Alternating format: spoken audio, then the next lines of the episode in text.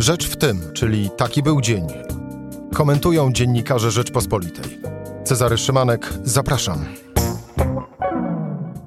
Czwartek, 5 listopada, liczba dnia 27 143 nowych zakażeń koronawirusem. To kolejny rekord i wiele wskazuje na to, obym się mylił jak ja bym chciał, żebym się mylił, że zostanie pobity. Ale nie dlatego, że protesty jak mawiają, bo tego nikt nie jest w stanie przewidzieć, a co dopiero policzyć. Interdyscyplinarne Centrum Modelowania Matematycznego i Komputerowego Uniwersytetu Warszawskiego, na którego prognozy powoływał się Mateusz Morawiecki, dziś jasno oświadczyło, że słowa premiera były nieuprawnione i nie można mówić, że z modelu ICM-UW wynika, iż protesty uliczne mogą zwiększyć liczbę stwierdzonych przypadków z 25 do 31 tysięcy. Niezależnie od słów, koronawirus jest w natarciu i prawdopodobne jest ogólnokrajowa kwarantanna. Pytanie, co na to gospodarka? Jej odpowiedź będzie próbował przewidzieć Ernest Pytlarczyk, główny ekonomista Banku PKO. Ale wcześniej zajrzymy na scenę polityczną wraz z Michałem Szulżyńskim, bo nagle z owej sceny zniknęło Prawo i Sprawiedliwość. Rzecz w tym, że zapraszam, Cezary Szymanek. Posłuchaj i wejdź na stronę podcasty.rp.pl. Włącz subskrypcję kanału Rzecz w tym w serwisach streamingowych. Gdzie jest prawo i sprawiedliwość? Chciałoby się zapytać. E, to zapytam Michała Szulżyńskiego, zastępcę redaktora naczelnego Rzeczpospolitej. Witam cię, Michale. Mm, witam ciebie, witam państwa. No więc, gdzie jest prawo i sprawiedliwość? No po co się wychylać, skoro jest pandemia? Lepiej wysłać premiera i ministra zdrowia na pierwszą linię. Y, to oni organizują konferencje prasowe, to oni e, dają twarz państwu w tej chwili. No jeszcze tam jest y, Michał Dworczyk jako szef kancelarii premiera. No a pozostali starają się nie wychylać. No jeszcze jest widoczny mm, Jarosław Gowin, który ogłasza jakąś y, kolejną odsłonę, czy kolejne odsłony pomocy dla przedsiębiorców i kolejnych tarcz 5, 6, 7, 8, 0 i tak dalej. Właśnie, ale żeby jakakolwiek tarcza weszła w życie, to musi być przyjęta stosowna ustawa przez Sejm, a Sejm dopiero za półtora tygodnia, a kto wie, czy nie później, jeżeli znowuż Prawo i Sprawiedliwość postanowi przełożyć posiedzenie Sejmu. A przypomnę, przypomnę, nawoływania o pośpiech, gdy procedowana była specjalna ustawa covidowa nie dalej niż dwa tygodnie temu. No, oczywiście narzekanie na hipokryzję polityków e, jest e, tematem rzeką. No, rzeczywiście tydzień temu, gdy o jeden dzień przesunięto działanie Sejmu, e, posiedzenie Sejmu, PiS mówił o tym, że opozycja igra życiem Polaków, a ta ustawa zdaje się chyba jeszcze nie wróciła, z, nie została rozpatrzona przez Sejm z powrotem. W związku z tym tutaj problemy, problemy są a jeżeli została rozpatrzona, to nie pamiętam, że została podpisana przez prezydenta. Nie, nie została. Są kolejne, są kolejne ustawy, które nie, mm, nie cierpią zwłoki. Mm, e, ale tutaj problem jest oczywiście inny, to znaczy jaskółki mm, w Sejmie mówią o tym, że po prostu mm, szefostwo klubu PiS, szefem jest e, Ryszard Telecki, mm, bliski współpracownik Jarosława Kaczyńskiego, wcale nie jest to szefostwo pewne, że PiS wciąż ma większość. E, Interia donosi o tym, że sześciu posłów na czele z Krzysztofem Ardanowskim zamierza się z Sejmu z Sejmowego Klubu PiS y, wypisać i No właśnie, ubiegłeś moje, ubiegłeś moje pytanie. E, na ile prawdziwe są owe plotki? Wiadomo, w każdej plotce jest ziarno prawdy, mówi popularne przysłowie, ale jeżeli chodzi akurat o tę plotkę?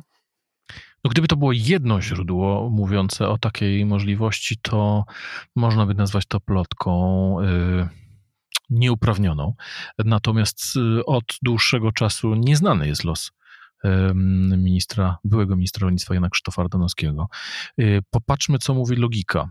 Jeżeli Jan Krzysztof Ardanowski wie, że po tym, co zrobił, jak skrytykował Jarosława Kaczyńskiego za rozbijanie PiSu i uderzanie w wiejski elektorat, nie może liczyć na miejsca w na listach Prawa i Sprawiedliwości, po pierwsze.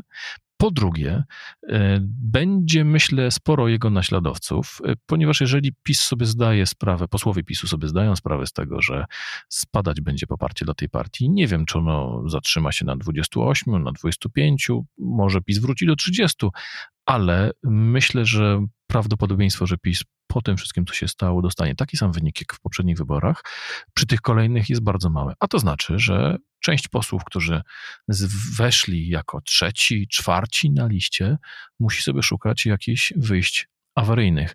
Nie ma co czekać na to, aż e, Jarosław Kaczyński przewróci stolik i zdecyduje o, przedterminowymi wybory, o przedterminowych wyborach. Nie ma co czekać w pokorze trzy lata, jeżeli wybory odbędą się w terminie normalnym. Trzeba szukać jakiejś szalupy ratunkowej już teraz. Wchodzimy w okres, kiedy e, coraz więcej osób zacznie grać na siebie, a nie na PiS? Myślę, że tak. E, myślę, że tak. E, przypomnijmy, że umowa koalicyjna którą podpisał e, Jarosław Gowin i Zbigniew Siobro. E, z Jarosławem e, Kaczyńskim, przewidywała, że miejsca otrzymają jedynie ci, którzy dzisiaj są z tych partii członkami e, klubu parlamentarnego Prawa i Sprawiedliwości, czyli ci, tych, tych, tylko dla tych, którzy są parlamentarzystami. Im gorsza będzie sytuacja PiSu, e, tym ci e, posłowie będą bardziej mm, niespokojni, ponieważ wcale nie będą pewni, czy dostaną się z powrotem do Sejmu. W związku z tym myślę, że sytuacja, w której Sejm był maszynką do głosowania, a to Jarosław Kaczyński decydował, która ustawa wchodzi, a która nie wchodzi w życie, przeszły do przeszłości, a teraz polityka wraca z powrotem do Sejmu. I jeszcze jest druga rzecz. Jest kwestia dotycząca tego, na co zwraca uwagę Michał Kolanko, e, czyli niez, niezwykłego rozbicia klubu PiS e, na tle ustawy aborcyjnej. E, dlatego, że propozycja prezydenta Andrzeja Dudy wcale nie spotkała się z entuzjastycznym przyjęciem w tym klubie kilkudziesięciu, to się szacuje 30 a 50 osób o nastawieniu zdecydowanie mm, pro-life nie będzie chciało tego poprzeć. A równocześnie ta sprawa dzieli też klub Platformy Obywatelskiej, ponieważ jest e, niewielka, ale jednak grupa posłów raczej konserwatywnych w Platformie, którzy e, nie chcą, tak jak Borys Budka, stawać jednoznacznie po stronie e, strajku kobiet, e, tylko raczej chcieliby doprowadzić do przywrócenia kompromisu aborcyjnego. Mówiąc, żeby całą historię skrócić, wydaje się, że może już niedługo dojść do jakichś przetasowań w klubie PiSu i Platformy czy Koalicji Obywatelskiej.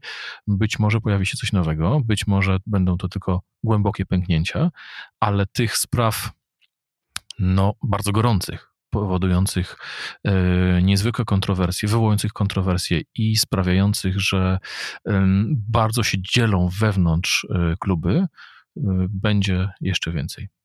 No i być może e, na wiosnę znów będziemy rozmawiać o tym, w jaki sposób przeprowadzić e, wybory, tym razem e, przedterminowe, parlamentarne. Dwie sprawy na koniec jeszcze, Michał. Wstępne porozumienie negocjatorów dotyczące powiązania wypłat funduszy europejskich, szczególnie jeżeli chodzi o ten fundusz na odbudowę Unii Europejskiej z praworządnością. To kolejny krok ku temu, by stało się to oficjalnym zapisem.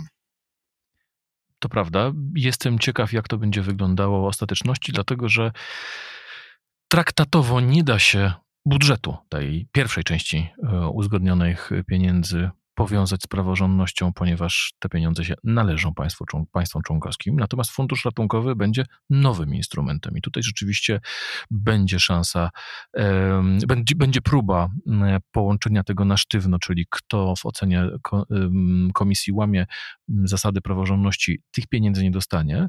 Tyle tylko, że zastanawiam się, czy państwa, które z tą praworządnością mają kłopot, a to nie tylko Polska i Węgry, ale y, wiemy też o różnych korupcyjnych y, podejrzeniach związanych z wydawaniem pieniędzy unijnych, e, czy to w Bułgarii, czy w Rumunii, mm, czy w, czy w kilku innych krajach no, naszego regionu środkowej Europy, e, to nie wiem, czy to się nie skończy wetem. I ostatnia kwestia. Rozszyfrujesz mi, Michale, e, o jakie państwo chodziło w uzasadnieniu decyzji o przyznaniu ochrony, służby ochrony państwa prezesowi TVP Jackowi Kurskiemu, bo tam w uzasadnieniu było e, stwierdzone, e, że to jest e, potrzeba w ochronie dobra państwa. Tak, ochrona interesu y, państwa.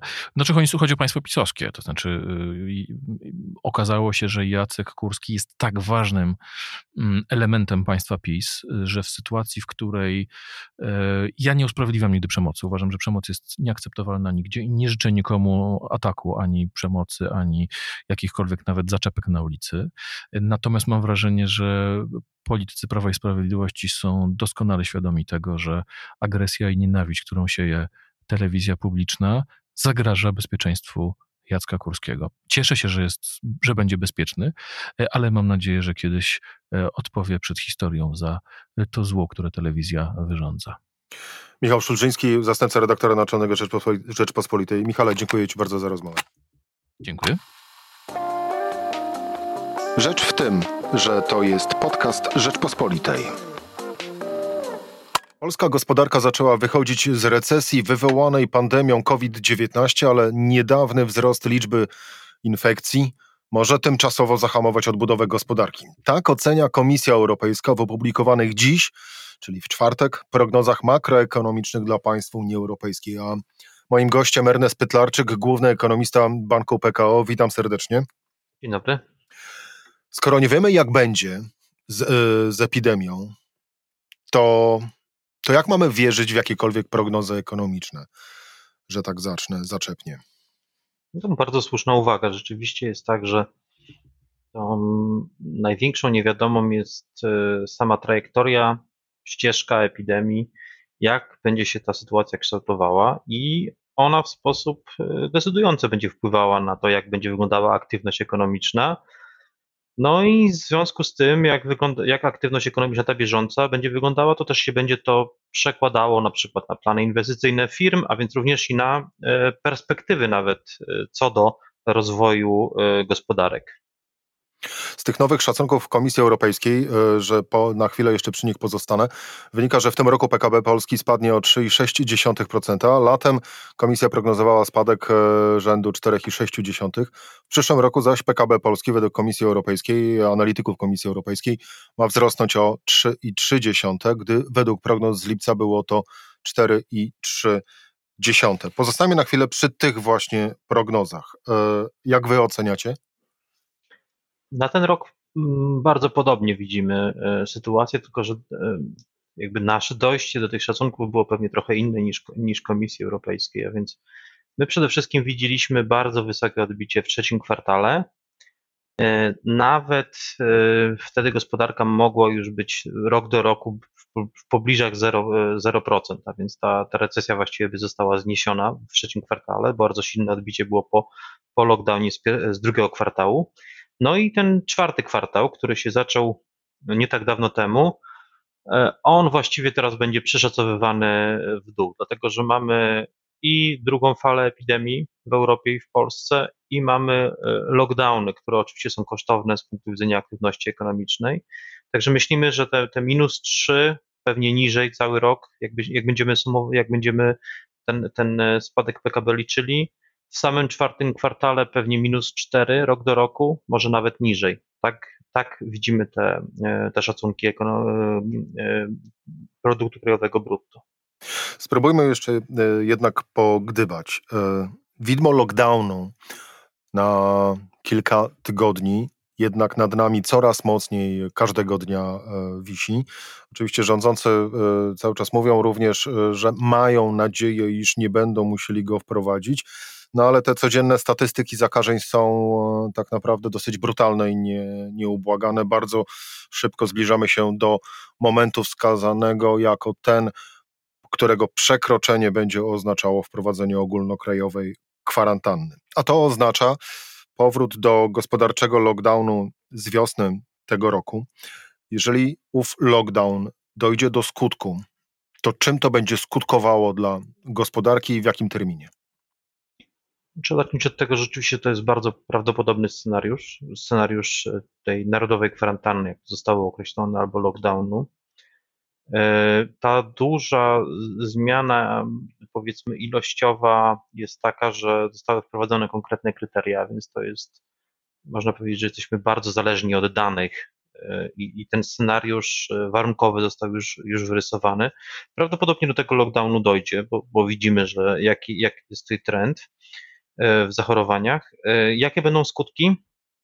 Przede wszystkim na wiosnę, czy skoncentrujmy się na tym, jaka jest różnica między teraz i na wiosnę. Na wiosnę było mniej zachorowań, jeżeli chodzi o, o Polskę, ale strach i niepewność co do skutków e, epidemicznych, ale też e, gospodarczych była dużo, dużo większa i e, dużą różnicą wobec tego, co teraz, się, co, co teraz mamy, jeżeli chodzi o obostrzenia tego, co było na wiosnę, no, obostrzenia, szczególnie w Europie Zachodniej, skutkowały przerwaniem łańcuchów dostaw. Również te z Chin nie do końca się wtedy, wtedy odbudowały, ale kraje powszechnie zamykały granice, bo tak duża była niepewność e, co do, co do samego sposobu przenoszenia tej choroby i tak dalej. No teraz nie widzimy, żeby te łańcuchy dostaw były przerywane, a więc to jest na plus. W Europie Zachodniej zamykano powszechnie i zakłady pracy, e, produkcji, produkcja przemysłowa na tym bardzo ucierpiała i nawet budowy we Francji, w Hiszpanii. W Polsce do tego nie dochodziło, ale no, skutkiem przerwania tych łańcuchów dostaw bardzo e, źle odczuły to te sekcje cykliczne, a więc mieliśmy 80% spadki na przykład w produkcji samochodów w Polsce i tak dalej. To było absolutnie związane z tym e, popytem na polski eksport tych, tych właśnie wyrobów.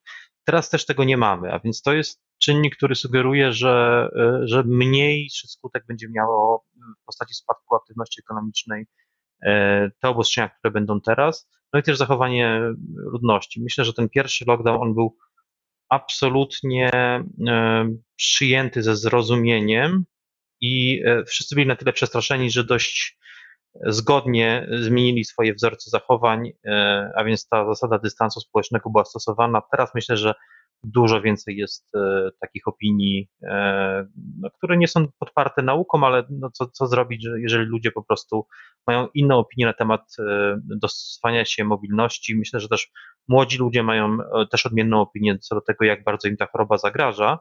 Także mamy takie podzielenie społeczne co do, co do zasadności i co do akceptacji tych ograniczeń, które, które są nakładane. No jeżeli mamy taki podział, nawet przebiegający wzdłuż grup, e, grup wiekowych, no to siłą rzeczy e, no też e, można powiedzieć, że będzie ta aktywność ekonomiczna też pewnie większa. A więc do, taki, do takiego spadku aktywności ekonomicznej jak na wiosnę nie dojdzie, ale będzie on, ten skutek będzie dłuższy, bo już teraz widzimy, że no nie jest realne oczekiwanie, że lockdown spowoduje, że za miesiąc, za dwa miesiące nie będziemy mieli w ogóle problemu z epidemią. Będzie prawdopodobnie tak, że dojdzie do jakiegoś wytłumienia, a potem będzie znowu kolejne, kolejne, kolejne uaktywnienie, wzrost kontaktów społecznych i znowu pewnie kolejne ograniczenia. Czyli to jest według takiego modelu the hammer and the dance, a więc najpierw tą, tłuczemy tą epidemię, potem jest okres rozprężenia i tak, i tak od nowa i, i tak dalej, do wiosny, kiedy znowu przyniesie się ta aktywność na zewnątrz.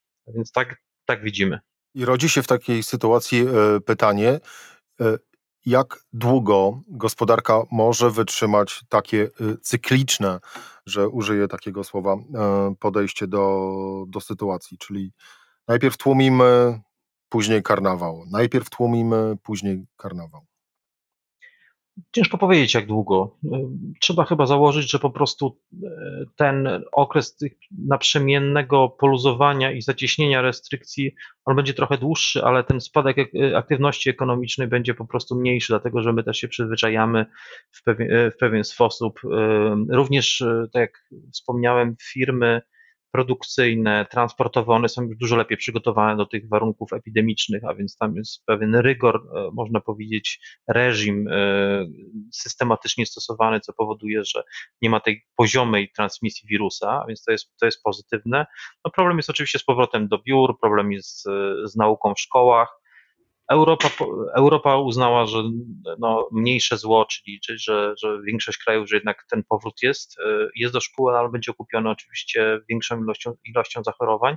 Nie wiem, jak długo tak jest, e, możliwe jest tak funkcjonowanie. To jest na pewno bardzo kosztowne z punktu widzenia e, gospodarczego, ale dochodzimy do punktu, kiedy ważne jest, żeby no, minimalizować znowu liczbę zgonów, liczbę zachorowań. A więc to jest, to jest tak jak na wiosnę. Na wiosnę było kryterium jedno, żeby zamrozić gospodarkę w jak najlepszym stanie, ale żeby minimalizować skutki epidemiczne. Myślę, że teraz dochodzimy znowu do takiego, do takiego punktu. No i to oczywiście będzie kosztowne z punktu widzenia nawet i budżetu, bo oczekiwania są takie, że znowu, znowu chcielibyśmy tą gospodarkę w miarę dobrze zahibernować, a więc przynajmniej to sektorowe wsparcie, które jest e, e, sygnalizowane, no ono ma taką właśnie spełnić rolę, żeby te sektory, które są stricte dotknięte przez epidemię, żeby w jak najlepszy sposób to zahibernować, żeby nie nastąpiło takie negatywne sprzężenie zwrotne na rynku pracy, żeby nie nastąpił duży wzrost e, bezrobocia, bo wtedy te po prostu problemy, które będą w trakcie lockdownu, one się, one się przeniosą na niższe perspektywy wzrostu i na niższy optymizm konsumenta i to spowoduje, że będziemy mieli trwale niższy wzrost przez jakiś dłuższy okres. A propos wsparcia, to na koniec jeszcze y, no, hipotetyczne sytuacje i hipotetyczne pytania, ale umocowane na e, realnych e, wydarzeniach. Negocjatorzy na Komisji Europejskiej Parlamentu Europejskiego doszli do wstępnego porozumienia, e, że fundusze na odbudowę gospodarki Unii Europejskiej zostaną powiązane z praworządnością. Komentatorzy wskazują, że to może oznaczać, iż Polska może nie dostać